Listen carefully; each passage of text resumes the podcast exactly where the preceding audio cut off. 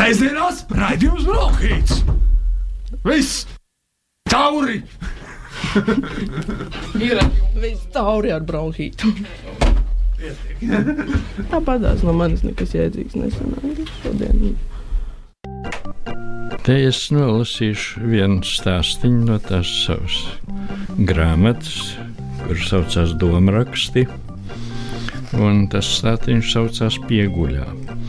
Viņš gan drusku pārveidots, tāpēc, ka labi, es sāku lasīt, jo es te esmu atstājis divas personas, kas stāsta savus sapņus.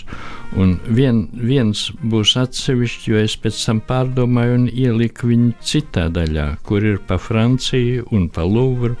Tā kā tas sākumā bija šeit, bet vēlāk es viņu pārcēlu, bet to es arī nolasīšu. Pieguļā. Jau tumša nakts ir dzirdami zirgi, kuri tepat tumā klusu plūc zāli. Pieguļnieks sēž pie ugunskura un stāsta cit citam savus sapņus. Krišs Mans sapnis nav garš, tepat pieguļā ar basām kājām pie manis ir atnākusi laima vaikule. Viņa apsēžas man blakus pie uguns, kur apņem mani paglaudījusi, jautā, vai tev krišķiņi nav augsti? Es tev atnesu karstu kafiju ar pelmeņiem. Un tad vēlreiz man noglaudījusi klusiņām saka, es atnākšu atkal. Kad viņi iet prom, es ievēroju, ka tā ir Alla Pugačova. Edžiņš skolā mūsu zēnu klasē matemātiku mācīja skolotāja Kušķa. Ļoti pievilcīga sieviete. Man jāņem palīgā visa manas kopā izteiksmes spēja, lai kaut cik patiesi attēlot viņas ārējo izskatu. Skolotāji nesāja aizvien baltu lūzīti ar neaizpogātām augšējām pociņām, starp kurām bija labi saskatām dziļa vertikāla rieva. Tā stingri nodalīja vienu varu no krūti no otras. Krusturs varēja būt nedaudz pa maz, bet tas man toreiz nevarēja ienākt prātā. Kušķis lielisku apakšdaļu iespīlēja melni pagars vārki, ar savu visai nepiedienīgo gaitu un vaļšķīgo smaidu, viņa bez redzamas piepūles panāca, ka viss mūsu klases masturbēja.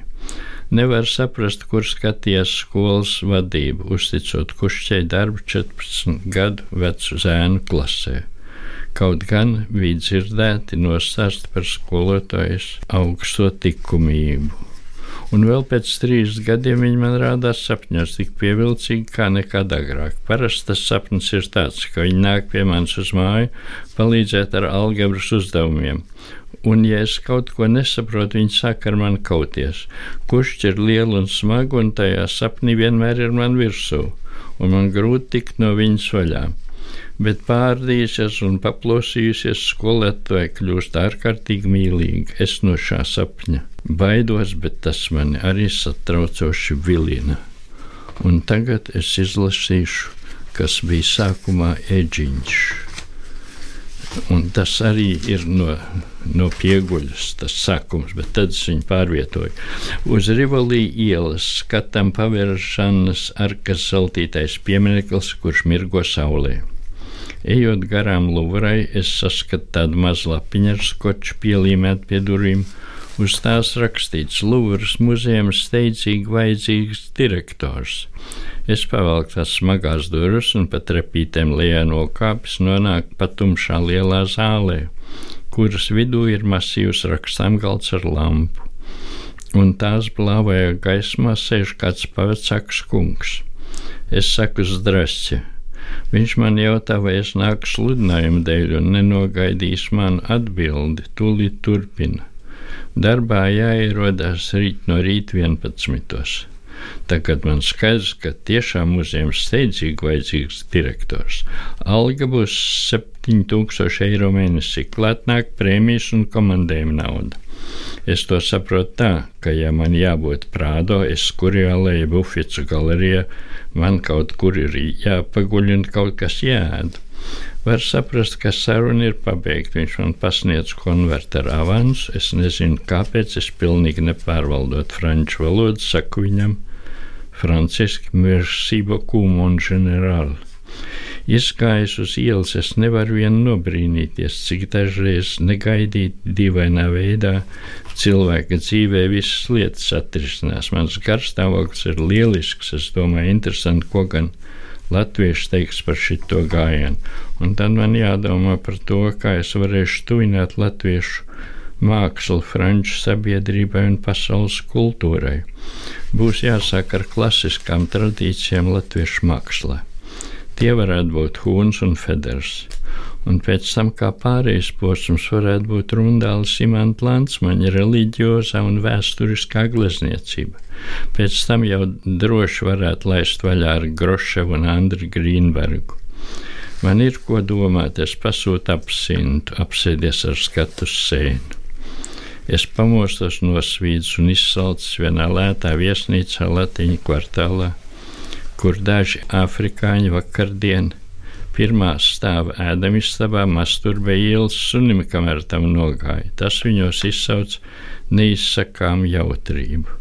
Nu, tur man jāpiebild, ka es to tiešām tā redzēju, tas tiešām tā bija. Viņi bija navīgi, priecīgi par visu to tādu. Tajā nu, sapnī vai? Tajā viesnīcā. Tā bija lēta viesnīca, kuras biju. Un manos, Bet sapnī vai pa īstam? Pa īstam, pa īstam, jo tur jau es esmu pamodies tajā brīdī. Tad jau es stāstu, ka es pamožos lētā viesnīcā un Tas, kas šeit šodien notiek, ir raidījums par literatūru Bronhīts. Un šodien ir ļoti tāda īpaša sērija, jo šī ir šīs sezonas pati pēdējā sērija. Un arī mums šodien ir ļoti īpašs viesis. Mākslinieks, rakstnieks, zīmētājs Māris Bišovs. Sveiks!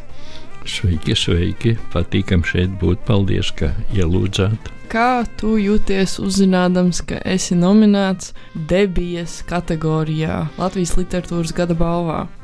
Tas man bija liels pārsteigums, un pat cik es esmu ļoti pašpārliecināts, te es domāju, ka man viss Latvijas balva jau ir par to. Bet tad tev sanāca vilšanās beigās. Nu, jā, tu... beigās bija baigā vilšanās. Es domāju, kā tā es esmu tikai izvirzīts viens starp sešiem. Tad man bija skroba vai ne. Bet, eh, bet, ja tev ir tāds tik veselīgs tas pašvērtējums, tad droši vien tas, ka šī balva tomēr aizgāja pie kāda cita, nu, nespējas iedragāt šo pašpārliecību. Nē, pilnīgi nē, absolūti nē. Es, man tā pašpārliecība ir vienmēr bijusi, un tas man ir atļāvis visur izkulties cauri un diezgan ar labiem panākumiem, vai ne pa dažādām valstīm. Tā kā Jā, un, eh, un Mārcis Bišovs ir dzīvojis, es saprotu, Izrēlā kādu laiku, eh, Parīzē, Ņujorkā, Maskavā. Arī lasot tavus tekstus, var just, ka tur ir kaut kāds tas eh, tāds savienojas, tāds ļoti, ļoti latviskas lietas un vienlaikus tādas pasaulīgas lietas. Un, no, paldies, man patīk, ko tu saki, tāpēc, kad Es tieši tā domāju, man tas ļoti patīk, ka es esmu latvisks pie visa tā, jo tur ir minētas vietas, tur ir minēti vārdi, tur ir cik nu iespējams ir mm, latviskais, un tas man ir ļoti svarīgi. Un tagad mēs varētu noklausīties dziesmu, kuru nekā citādi droši vien radio naba neatskaņotu. Varbūt Māri, tu varētu pastāstīt par šo izvēli. Nu, ko lai dara, man patīk tādas dziesmas. Es jau, protams, arī nedomāju, es arī klausos klasisko mūziku un ļoti daudz. Un, un man ir ļoti daudz tie, tie diski, tur veseli kaudzes mājās, viņas sapirka Amerikā. Man patīk klases, bet šī tā ir latviešu padarīšana. Un kad es biju mazs, ja vēl puika, Tie bija pēckara gadi, un kas satikās vēl tajā skolā, bija kāda sajiet vēlāk, jau nebija, bet sākumā bija. Sākumā bija arī uh, masku balles ciemā, kad nāca dāmas no ciema dāmas. Un, un kad kūkas cepa sanāca saimnieces un skolā kūkas cepa tortas īstas vai ne.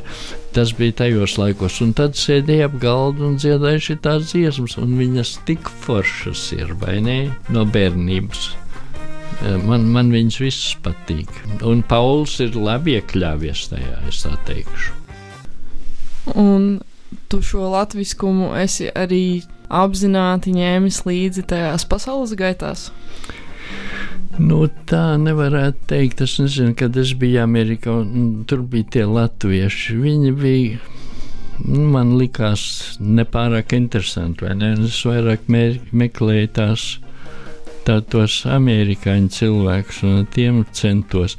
Bet es esmu vienpatnis. Es vienmēr esmu es daudz labāk runātu angļu valodā šodien. Es runāju pietiekuši labi, bet es daudz labāk runātu, ja es būtu saticies ar cilvēkiem, runājis.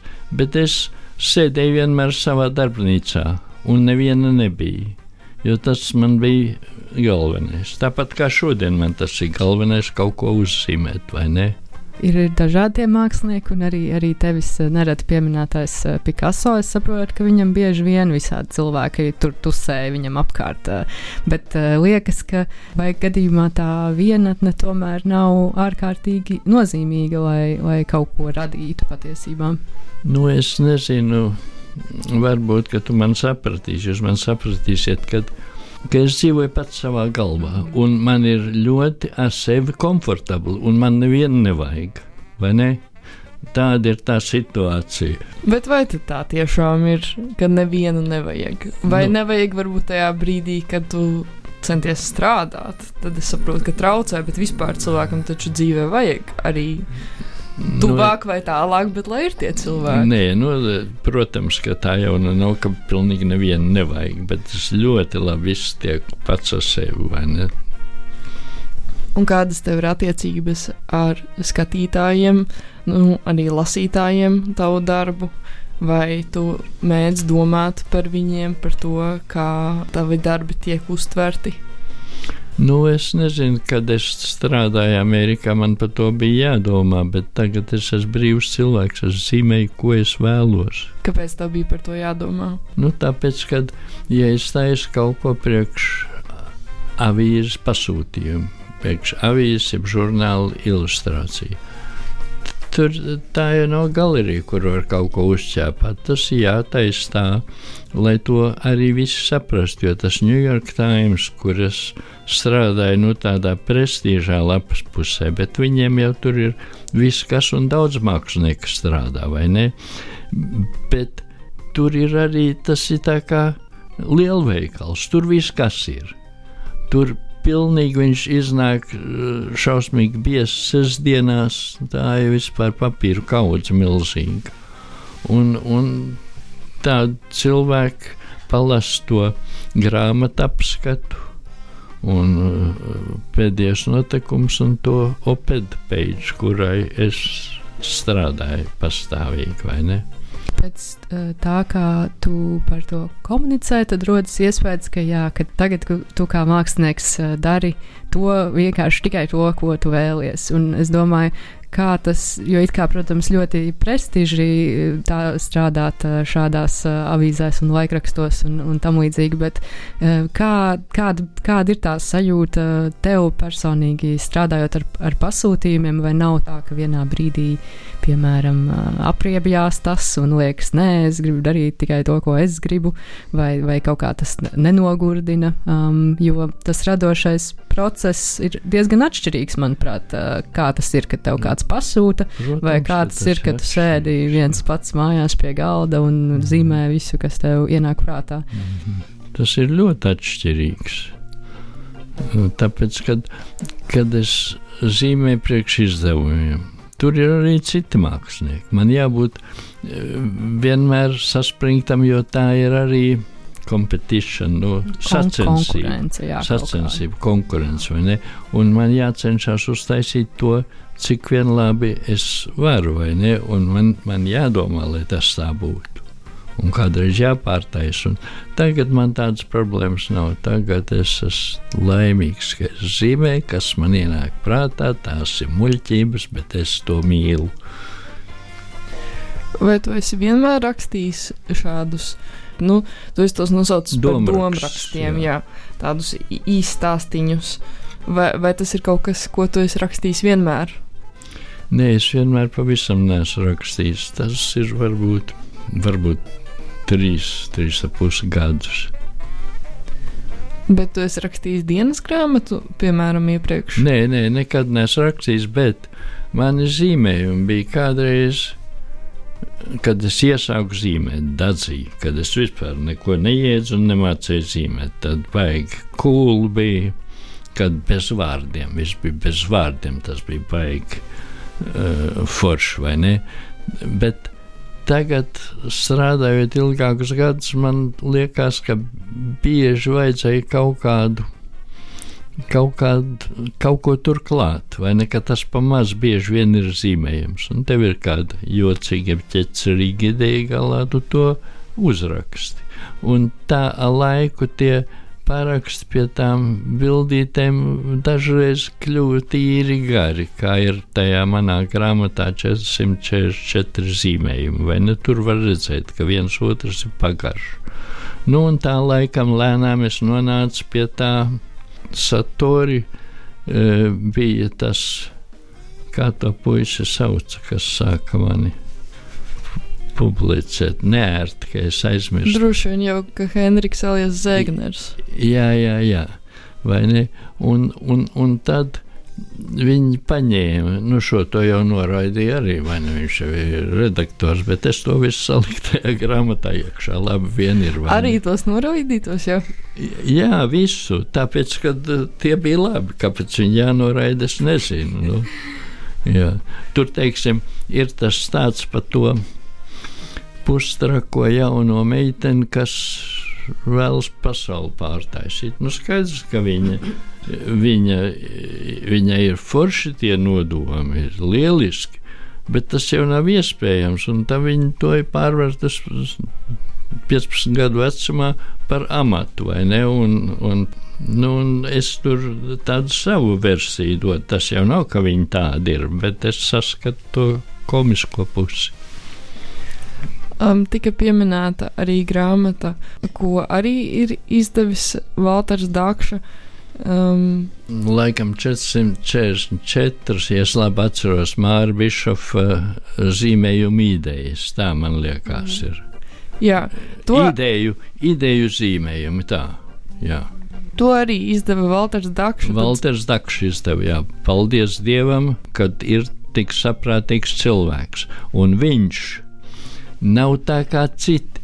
Viņš dod tam māksliniekam pilnīgu brīvību. Tur nereiz nebija tā, ej, šito paņem ārā, nē, to nu nevajag, jeb kā tas ir uzzīmēts, nekad. Un viņš acīm redzot, uzticās tam, kas taisa, ja viņš to darbu dod. Es nezinu, kā citiem man nav bijusi neviena domstarpība ar viņu, ko es esmu devis. Tas viss ir izdots tajā brīdī, kad to taisa. Tagad jau šī ir saucama par tādu ilgstošu sadarbību, divas grāmatas tomēr. Nu, es drusku esmu izbrīnīts, un nu, patīkami izbrīnīts. Viņš grib izdot manu krāsaino. Uh, Nu, kā to lai sauc? Nu, nevar saukt par gleznām, bet man krāsaino grāmatu. Es jau saucu par bildēm, vai ne? Krāsainās bildes. Tad būs arī trešā. Nu, tā nē, nav tikai trešā. Tāpēc, ka nē, man ir ļoti daudz grāmatu. Nē, ne pie Valtera es domāju. Pie Valtera, jā, bet kā es teicu, kas tā bija, ir žurnālā. Es teicu, ka man ir vairāk grāmatas kā Beethovenam simfonijas. Viņam ir deviņas simfonijas Beethovenam. Bet man ir 14, 15 tās grāmatas pa visām zemēm kopā, kuras esmu taisījis. Nu, tajā 444. Tur man bija drūģēns zīmējumu posms ilgs, kad es zīmēju, zīmēju, zīmēju. Un no tā es atlasīju, un arī šo to no agrākiem darbiem, kuri man likās cienīgi viņus likt grāmatā. Un, kad šī grāmata ir iznākusi, es tiešām izņēmu tādā kādus desmit zīmējumus ar lielāko prieku, bet es to nevaru vairs izdarīt. Bet uh, de desmit zīmējumus izņemt, tas jau laikam, ka tā nav nemaz tik traki. Tas, nu, tas priekš, nav tik traki, ka būtu grāmatas. slikti, ja būtu 50, 60 jāizņem, tad jau būtu Un, un kā vispār var uh, saprast, kā sakārtot tik daudz zīmējumus vienā grāmatā pēc, pēc sajūtas? Vai? Smuks, jeb nesmuks. Bet tā secība. Un secība, nē, nu, drusku tur vajag kaut ko, ja kaut kāda viena tēma ir. Jā. Tad labāk, ka viņi kādu brīdi turpinās, un tad pāriet uz citu tēmu. Tāpat kā grāmatā, tie franču gabaliņi ir trīs kopā, tāpēc es izņēmu no tās pieguļas ārā to vienu un, un izveidoju atsevišķu stāstu, jo man bija vēl divi no Francijas, pa Franciju. Es tur dzīvoju, starp citu, kādu laiku. Tad. Un mēs labprāt dzirdēsim vēl kādu domu raksta lasījumu šeit, bet noklausīsimies pirms tam dziesmu. Sēžamās raidījums Brokhīts! Viss! Tauri! Ir viss tauri ar bronhītu. Tāpat no manis nekas jēdzīgs nesanāca šodien. Manam zīmējumam ir jābūt jocīgam, nesaprotamam, savādam, šokējošam, nepieklājīgam, ja tas ir nepieciešams, skaistam, pievilcīgam, izraisošam pārdomas, filozofiskam, ar atsauci uz iepriekšējo laiku mākslu, nepareizi uzzīmētam, profesionāli uzzīmētam, pretrunu pilnam un ar gaišredzības iezīmēm. Tas, manuprāt, ir tās īpašības, kurām jābūt mākslas darbā. Citādi tas man padara pilnīgi vienaldzīgu. Tā teica mūsu viesis Māris Bišovs. Vai tev ir kādi komentāri par šo īso manifestu? Nē, man no, tur viss ir pateikts. Par to nepiedienīgumu tas ir vispār manāms arī tavā grāmatā domraksti kuru mēs šodien apspriežam Valter Dakšs izdoto Māra Bišofa debiju. Es zināju, ka būs šis jautājums, jo pilnīgi dabīgi, ka tādam jābūt. Nu, tad man jāsaka tā, pie zupas vajag sāli, pie putras vajag sāli, un pie manas domas arī vajag sāli. Un tas pilnveido visu, citādi garlaicīgi. Tur vienmēr kaut kas notiek tāds tāds neparasts. Visam jābūt neparastam. Manos zīmējumos un manos rakstos tāda ir tā mana nostāja. Tas teikts tajā manifestā, es, kas tika nolasīts. Man nesen ar vienu draugu bija diskusija par, par to, vai zīme, nu, zīmējums var saukt par, par bērnišķīgiem. Un, man interesētu, kāds, kādas ir tavas domas, kā būtu nu, jāsaprot, ka zīmējums ir, ir bērnišķīgs un vai tas ir slikti vai labi un uh, tam līdzīgi.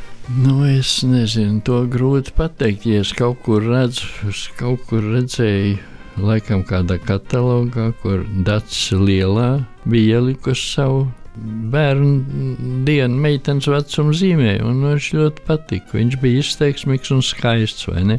Bet tā atdarināt bērnu zīmējumu to nav iespējams. Var darīt savādāk, ko es bieži daru. Kad es pavirši zīmēju, jo, jo kad saspringzinās, tad viņš paliek kādreiz smags un neveikls, un labi ir iekļaut kādu kļūdu, kādu nepareizību. Un tad viņš tad viņš kļūst saprotams. E, tad viņš kļūst skaists, derīgs, tā es teikšu manos rakstos ir daudz no dzīves, ka man prasa, eh, tev grāmatas iznāca, vai tāpat tev ir grāmata. Es saku, nē, bet zināmā mērā tā ir pamani, jo tur ir manas domas, kādreiz kroplīgas, vienalga kādas, tad, tad tur ir mani mazi piedzīvojumi, kurus es atceros, eh, novērojumi.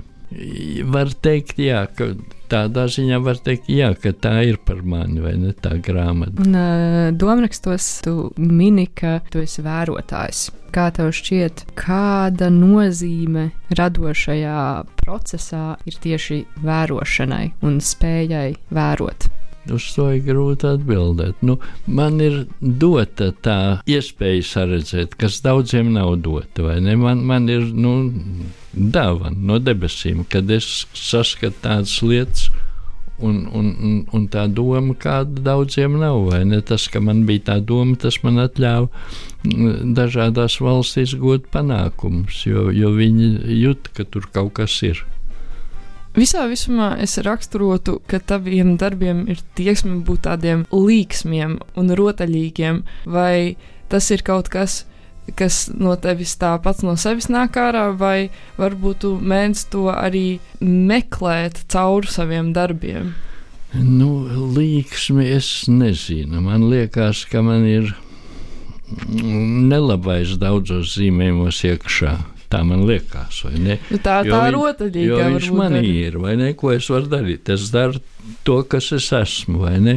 Līksmi nezinu, nu, un, un, un vai es domāju, jā, man iznāk dažreiz uh, piestrādāt, un kādreiz es kaut ko uzzīmēju, jeb tā ir kāda pavisam veca ideja, un tad es viņu saredzu, ka tur ir vairāk kas iekšā, un tad es atgriežos pie tā zīmējuma un izteicu tā, kā es viņu sajūtu vēlāk, vai ne? Ja ir kaut kāds zīmējums, ko es vakarā neko nedomādams uzskricelēju uz papīra nometu, un no rīta, no rīta es skatos, o, baigi labais. Nu, tur vēl drusku kaut ko pielabo, un tad, eh, nu tā, un pat tām trīs krūzītēm, nu tas jākal no dzīves, vai ne? Nu, tur manai Silvijai, es to laikam rakstīju manai Silvijai uz galda, kad es nenomazgāju krūzes, vai ne? Bet vēlāk es viņu eh, tur pieliku klāt, vai ne, ka it kā tas ir dzīvols. Varbūt, ka tu vēlies nolasīt par šīm trim krūzēm, lai arī klausītāji zina. Jā, labi, jā, tā, o, tas ir ļoti labs. Tas ļoti īsts, bet ļoti labs. Kā viss, ko es daru, vai ne? Tā. Es tās krūzītes tev atstāju, mana mīļāko nomazgāt. Nomocos, nezinu, vai dzējols no šitā iznāk. Vai jums patīk tas stāstījums, jā, gan zum zum? Ja tu vēlies to nolasīt, tad droši. Bet pirms tam es vēlos tev tomēr pajautāt kaut kā vēlreiz. Iemesls, kāpēc es par to līksmumu jautāju pirmīt, ir saistīts ar to, ka es lasīju šo grāmatu un es dikti un daudz smējos. O, paldies Dievam! Tā, tā, es esmu ļoti priecīgs to dzirdēt. Es, uh, Es pats smējos, ka es lasu, jo es domāju, cik tas ir vienā otrā vietā precīzi pateikts.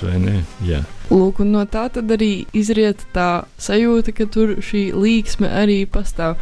Un tā iespējā es domāju par to, vai šīs pacilājums ir kaut kas, kā tu pieredzi savu dzīvi, vai drīzāk tas ir kaut kas, ko tu meklē, un tad meklē arī caur, piemēram, šiem tekstiem.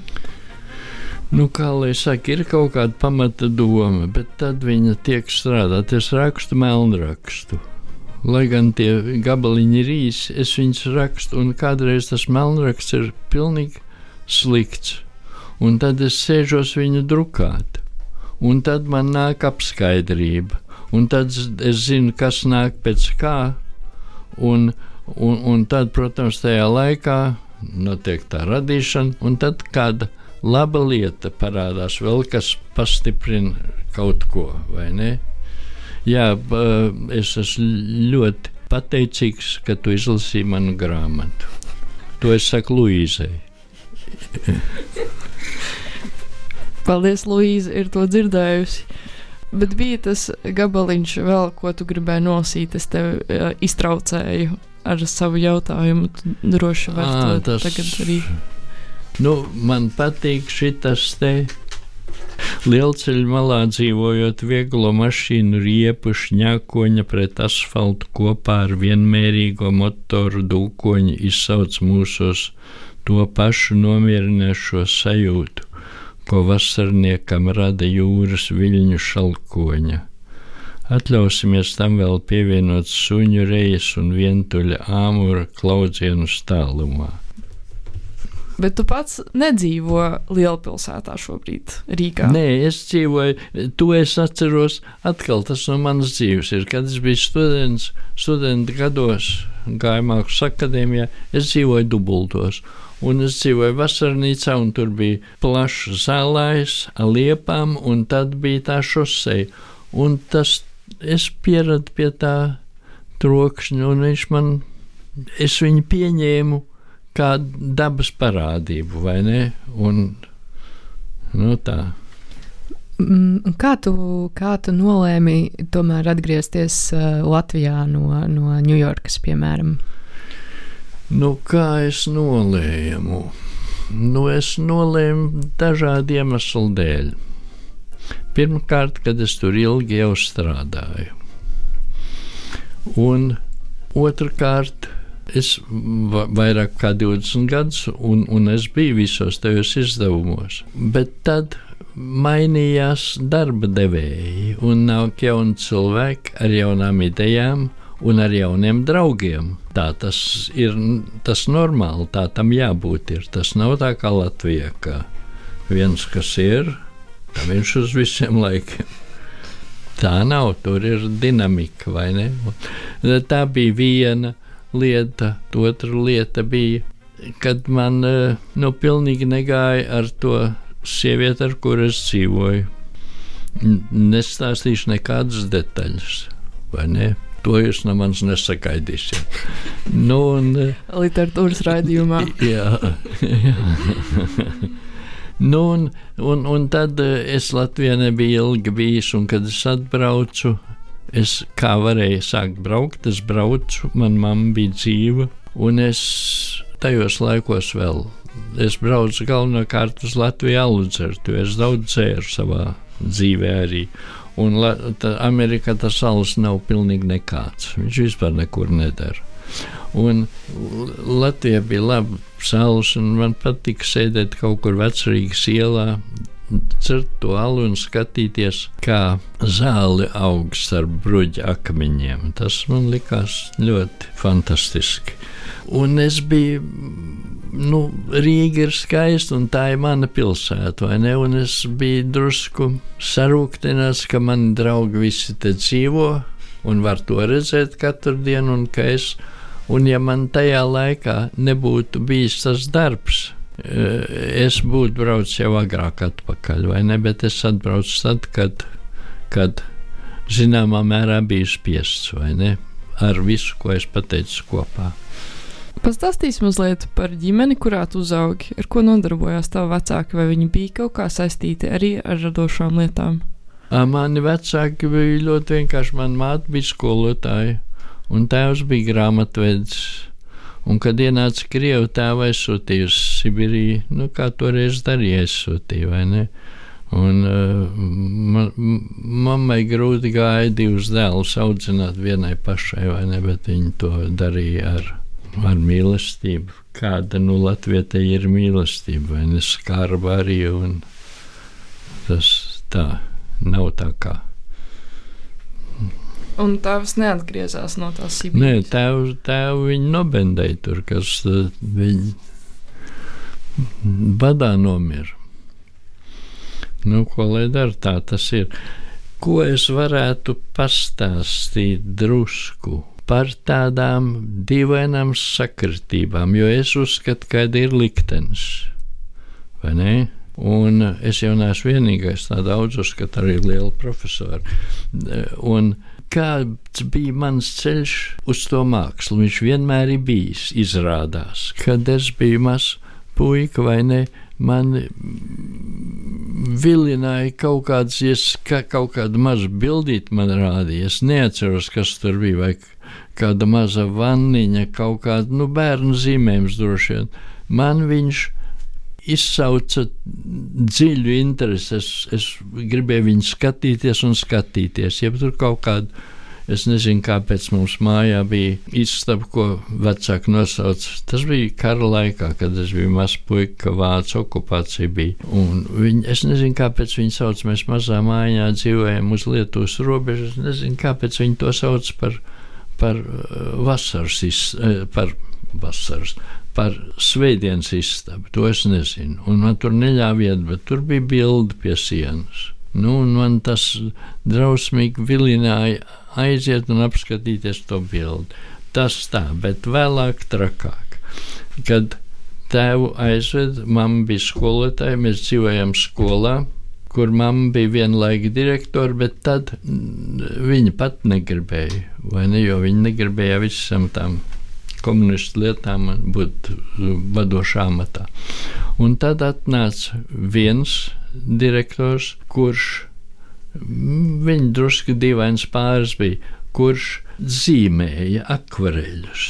Un tas, tas bija vienā lauku skolā, kur vispār nekas nav. Viņš zīmēja, un tas man bija kaut kas, un tad nomainījās. Un tā otra direktora, kas atnāca, tā gleznoja uz stikla ar eļļas krāsām. Kokus un to dīķi viņa no otras puses mālēja uz tā stikla, lai viņš spīd vai ne. Tā, tā ir saskare ar mākslu. Kāda nu viņa toreiz bija, ko es tur varēju saprast? Tā bija saskare ar mākslu. Bet tāda ir bijusi vēlāk visu laiku, kad es gāju Lietišķās mākslas vidusskolā. Mammai bija viena draudzene, un tā ir draudz skolotāja, un tā draudzenei bija pazīstama Tīdemaņa bijusī sieva pārdaugā, un es tur tiku pieņemts, un tur man atvērās eh, Tiedemans, ko es toreiz varēju, bet tas bija atkal, ka man visu laiku sanāk tā kaut kāda tuvība ar to, par ko es vēlāk kļuvu. Un tā vēl viss daudz, vai ne? Daudz tādu notikumu, ka vienmēr tur ir bijis tāds labais gars, kas man virza atkal uz priekšu, uz nākošo. Nevar visus noskaidrot vēlāk, jo tas palika ar vien vairāk. Paldies! Mēs varētu tagad noklausīties dziesmu, kuru tu atsūtīji, ka vēlētos dzirdēt raidījumā. Mm. Sēžamās raidījums Brokhīts! Viss! Tauri! Ir viss tauri ar bronhītu. Tāpatās no manis nekas jēdzīgs nesanāca šodien. Nesenākajā avīzes nosaukums mēneša rakstā publicēts šāds dzējolis. Labs mākslinieks negadās bieži, jo viņš ir kā labs kurpnieks, kā labs galdnieks, kā labs ģērmanis, kā labs svečulējējs. Džoto, Velaskēs, Breigels, Maļēvičs, Picasso un Jaspers Džons. Tie visi ir kā labi biškopji, kā labi mednieki, kā labi strēlnieki, kā labi sportisti, pasaules čempioni. Un šī dzējoļa autors ir Māris Bišovs mūsu šīs dienas viesis, kuram ir diezgan līdzīgs uzvārds vārdam biškopis, vai tas ir apzināts joks? Jā, tas jā, jā, man tā saukāja skolā. Tā, bet tā bija tāda sirsnīga nu, saukāšanās. Pasauka, vai? nu, kā, kā tur ir kaut kāds puika bija stasis nu, katram bija kaut kāda kažus, bija kažus. Es biju biškops, bet tur vēl bija, bija visā mūžas, bija mūžas. Es prasīju, kāpēc mūžas? Nu, tāpēc, ka Mārtiņš Ozols, M.O.Z. Oh. Mūžas. Nu, tā ir tā, tā daļrada. Tu vienmēr esi bijis mākslinieks, vai tev ir gadījies arī pastrādāt ko citu? Nu, varbūt kādu īsu vasaras darbu pašā jaunībā, kad kā man nepatika darīt. Protams, kaut kur pastrādāt pie būves, tur bija jājauc kaut kāds tur, kaut kāds tur cements jāsajūt, kāda būvējuma masa. Jā, nu, Bet tā pamatā tev ir izdevies vienmēr būt. Nu, jā, ir ar grūtībām, bet izdevies. Ko tam mākslinieks saka, ne, neko nepelnīt. Jā, arī egoistiski, bet jā, tas tā ir bijis un kā tu esi ticis cauri šīm grūtībām, jo patiešām nodrošināt sevi kā māksliniekam ir izaicinājums, un ne jau nu tu uzreiz biji uh, ārzemes izbraukājis, atpazīstams un nopelnus uh, lūcis Māris Bišofs. Jau... Nu, ar grūtībām, ar grūtībām, bieži vien ar grūtībām. Bieži vien bija jātaisa kaut kāda māksla, kur man nemaz nepatika. Vai ne man nepatika gleznot, jo tas aizņem laiku. Man galva ir ātra un man daudz idejas. Un tāda glaznošana tā man lika, bet es glaznoju, lai kaut ko pārdot. Un tur nu bija kādreiz jādomā par to, lai tam cilvēkam patiktu. Nu, tāda nepatīkama lieta, bet es to esmu darījis, lai savā laikā. Un uh, tu esi, es saprotu, uh, mācījies uh, kokapstrādi Eh, lietišķās mākslas vidusskolā un tad akadēmijā interjera dizainu. Jā. Pareizi. Jā, tā tas bija, vai ne? Vai tev ir sajūta, ka šīs uh, divas uh, pieredzes, piemēram, ir, ir, ir redzams tavos jā, zīmējumos? Jo man, man īstenībā ziņā, šķiet, vienmēr, ka jā. jā, katrā ziņā, jo mēs kaut ko vienmēr savā dzīvē piesavinamies. Jā. Uh, vai tev būtu kāds padoms vai, vai ieteikums kādam jaunam māksliniekam? O, pasarga Dievs, nē, es domāju, ka ko es varu, katrs cilvēks ir savādāks, katram ir savādākas dotības. Ir Latvijā daudz, ir ļoti labi mākslinieki, tiešām daudz. Ko es domāju, kas būtu ļoti svētīgi padzīvot ārzemēs, lai iepazītos ar citām strāvām, ar citām domām, ar citiem uzskatiem. Tas gan man bija tā laime, kad es mīcījos sākot ar Maskavu, pēc tam Telavivu, tad Parīze bija. Un tad bija Ņujorka. Tā kā visur acis vaļā. Un, un eh, jūtīgs cilvēks iespaidojās, un tad iznāk beigās. Turam acis vaļā. Šis bija literatūras redzējums Bronhīts. Un uh, tiekamies nākamajā sezonā. Varbūt ar kādu jūs klausītāji noteikti tiksieties, vai tās būsim mēs. To mēs nevaram solīt, bet šis ir visādā ziņā bijis. Nu, kāds, kāds ceļš šis ir bijis? Šis ir bijis uh, skaisti. Ne? Uh, šis ir bijis ļoti forši. Super. Paldies Mārim Bišofam, mūsu šīs dienas viesim. Paldies visiem citiem viesiem, kas šo sezonu ir bijuši pie mums. Un paldies tev, klausītāji, ka tu klausies. Jā, paldies Lotei, paldies Luīzei par, par šo jauko satikšanos. Un paldies Radio Nava